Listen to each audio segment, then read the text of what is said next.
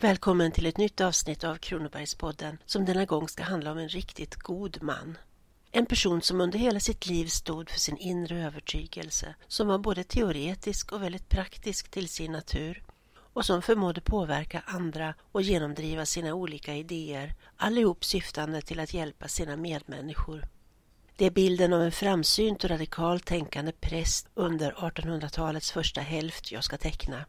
En person som föddes i Östra Torsås men som slutade sitt händelserika liv som kyrkoherde i Villstad strax norr om Smålandstenar i Gislaveds kommun i Småland. Mannen det handlar om hette Daniel Nordin. Han föddes 1778 som son till bonden Bengt Nilsson.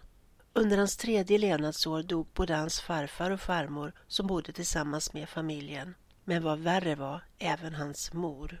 Den lille pojken flyttade hem till sin mormor men efter två år återvände han som femåring till föräldrahemmet. Då hade hans far gift om sig och hans nya mamma insåg snabbt att pojken var begåvad. Och medan hon satt och spann vid sin spinnrock sjöng hon salmer för honom och berättade om saker ur Bibeln och annat som hon kände till. En granne som tidigare varit präst lärde honom att läsa och när han var nio år blev han under två terminer elev i Växjö räkneskola innan fadern kallade hem honom för att lära upp honom inom lantbruket. Pappa Bengt tyckte nämligen att Daniel borde bli bonde precis som han själv. Så under de nästkommande fyra åren arbetade han tillsammans med fadern på åkern eller i skogen och körde foror till både Skåne och Blekinge och fick lära sig mycket praktiskt om grödor och jordens avkastning. Men hågen till att studera fanns där och inspirerad av en kusin som studerade i Växjö och påhejad av sin styvmor som såg en bättre framtid för honom som läskar istället för att gå bakom plogen blev han år 1792 antagen som elev vid Trivialskolan i Växjö, det som idag kallas Karolinerhuset. När han då började i den nedersta klassen var han 14 år gammal och flera år äldre än sina klasskamrater som var i 8 och 9 års åldern. Eftersom hans hem låg flera mil bort måste han, liksom de allra flesta andra elever, bli inneboende i staden. Han hade flera olika hyresvärdar. I en smedsfamilj fanns tio elever inackorderade som fick sova två eller tre stycken i samma säng. En skräddare som han därefter bodde hos var suput. När pojkarna skulle läsa sina läxor fick de stå på knä vid varsin stol som fick fungera som bord. Varje inackorderad elev hade sin ranson mat bestående av ärtor, gryn, mjöl och sovel i en matsäck som värdinnan tog hand om och lagade till. Det var hårda år för Daniel. Han hade knappa medel och grova hemsydda kläder. I skolan undervisades fyra klasser i ett enda klassrum utan eldstad. Man fick härda sig och Daniel fokuserade enträget på studierna vilket också visade sig i goda betyg. Efter fem år blev han gymnasist. Den omvittnade penalismen vid uppflyttning till högre klasser som var allmän vid många gymnasieskolor berättar också han om. Överhuvudtaget mindes han i slutet av sitt liv Växjöåren som stränga och där också en stor del av hans barnatro hade skadats.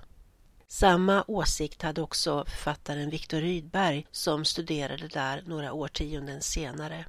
Rydberg mindes gymnasietiden i Växjö som den period i sitt liv som han allra minst ville tänka på och komma ihåg.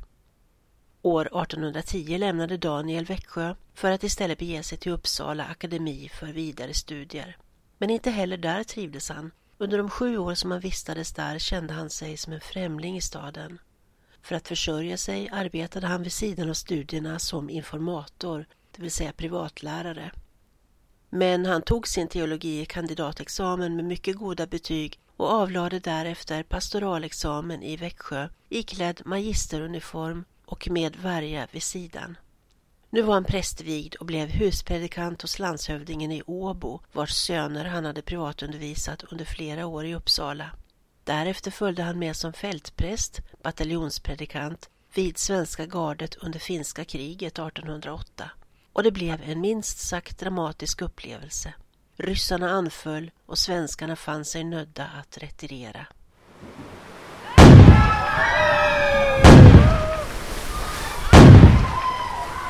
En häftig storm utbröt varvid flottan skingrades. Den skuta jag var på vräktes in vid en ö av nakna klippor och blev där hängande med fören under det vågorna försökte krossa akten. kölden stark. Flera förkylte sig och dogo och här tog min hälsa så knäck att den aldrig sedan fullt blev återställd, skriver Daniel i sina självbiografiska anteckningar. När det överlevande manskapet så småningom kom till Åland fick de veta att de blivit degraderade av kung Gustav den fjärde Adolf, som var missbelåten med att gardesregementena gjort reträtt. Och även Daniel miste sin tjänst. I en gammal postbåt reste han under fortsatt storm över till Sverige. Hela tiden var han övertygad om att båten skulle förlisa, så han ägnade resan åt att be Gud om att ge honom en salig hädanfärd. Till dig, Herre, var min tillflykt, svik mig aldrig. Du som är trofast räddar mig, lyssna på mig. Skynda mig. Om en klippa dit jag kan fly, borgen. Där finner jag räddning. Ja, du är min klippa, borg. Du ska leda och styra mig, ditt namn till ära. Du ska lösa mig så snarande hyddat. Du är min tillflykt. Jag överlämnar mig i dina händer. Du befriar mig, Herre, du sanne Gud.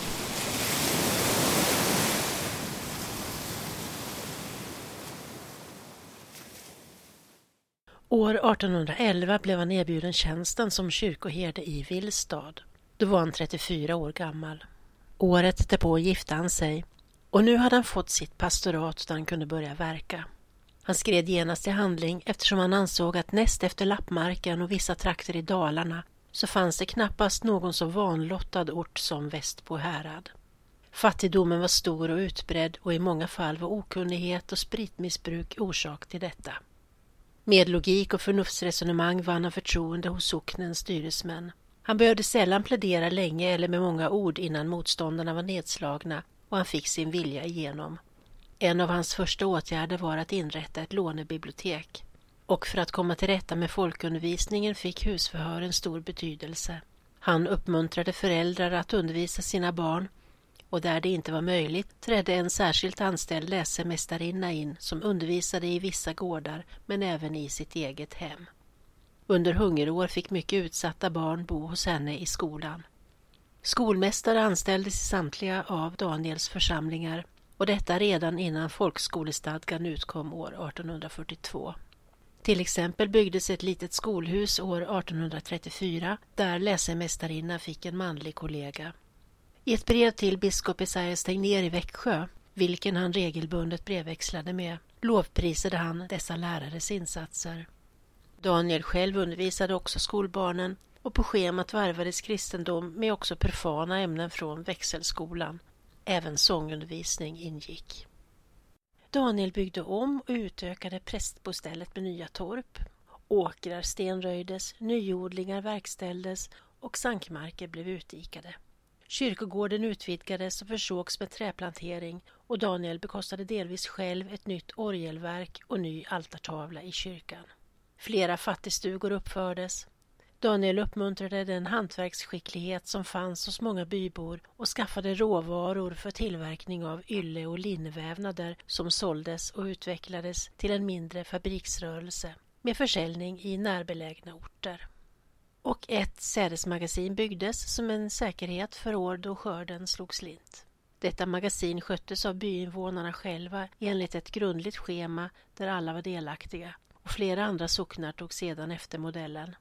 En annan åtgärd som Daniel vidtog var att anställa en barnmorska i häradet eftersom många barnafödslar var svåra och spädbarnsdödligheten relativt hög. Efter en vältalig plädering biföll sockenstämman kyrkoherdens förslag.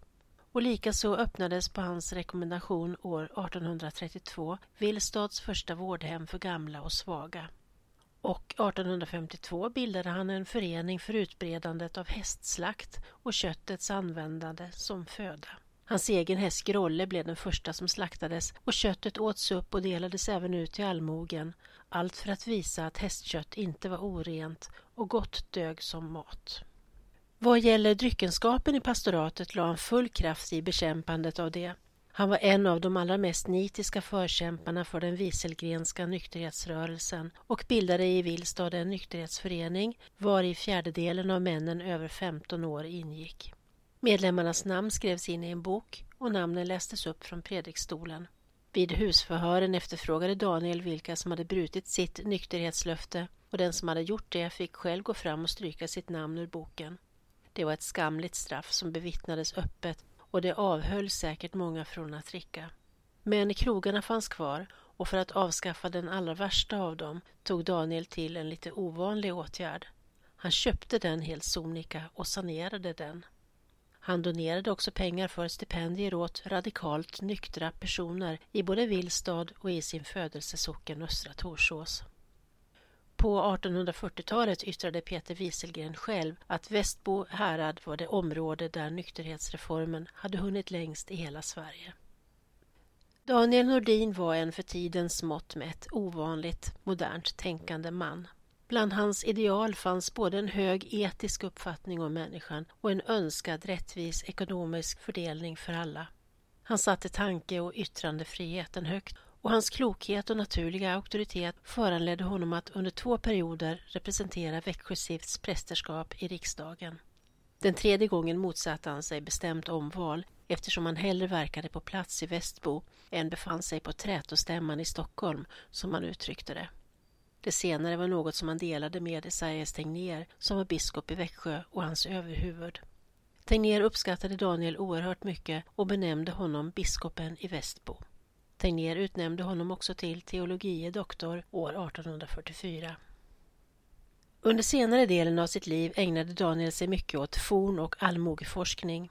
Han var ledamot av Götiska förbundet, ett litterärt sällskap instiftat år 1811 av bland annat Esaias Tegnér och som i nationalromantikens anda ville återskapa de gamla göternas frihetsanda, mannamod och redliga sinne.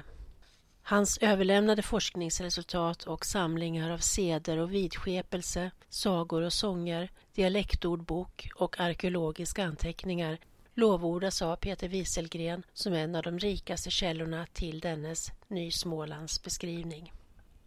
Med ålderns rätt överlämnade Daniel allt fler praktiska uppgifter åt medhjälpare. Men så länge han levde förblev bibelstudier, enskilda samtal och arbetet med skolan och konfirmanderna viktiga för honom. Han var en son av upplysningstiden och det praktiskt nyttiga betonades även från predikstolen. Han levde verkligen som han lärde. Den 24 september 1854 predikade han i Vilstads kyrka och höll då också en likpredikan över en avliden riksdagsman och vän. Därpå blev han sjuk och dog själv bara fyra dagar senare. Han efterlämnade hustru men inga barn. Däremot sörjdes han långt utanför sin sockens gränser. Han är begravd på kyrkogården i Vilstad och hans porträtt, målad av Per Kraft den yngre, finns inne i kyrkan. Mer information om denne kraftfulla själasörjare med starkt humant patos hittar du på biblioteket ifall du vill läsa mera själv. Där finns bland annat en biografi över Daniel Nordin.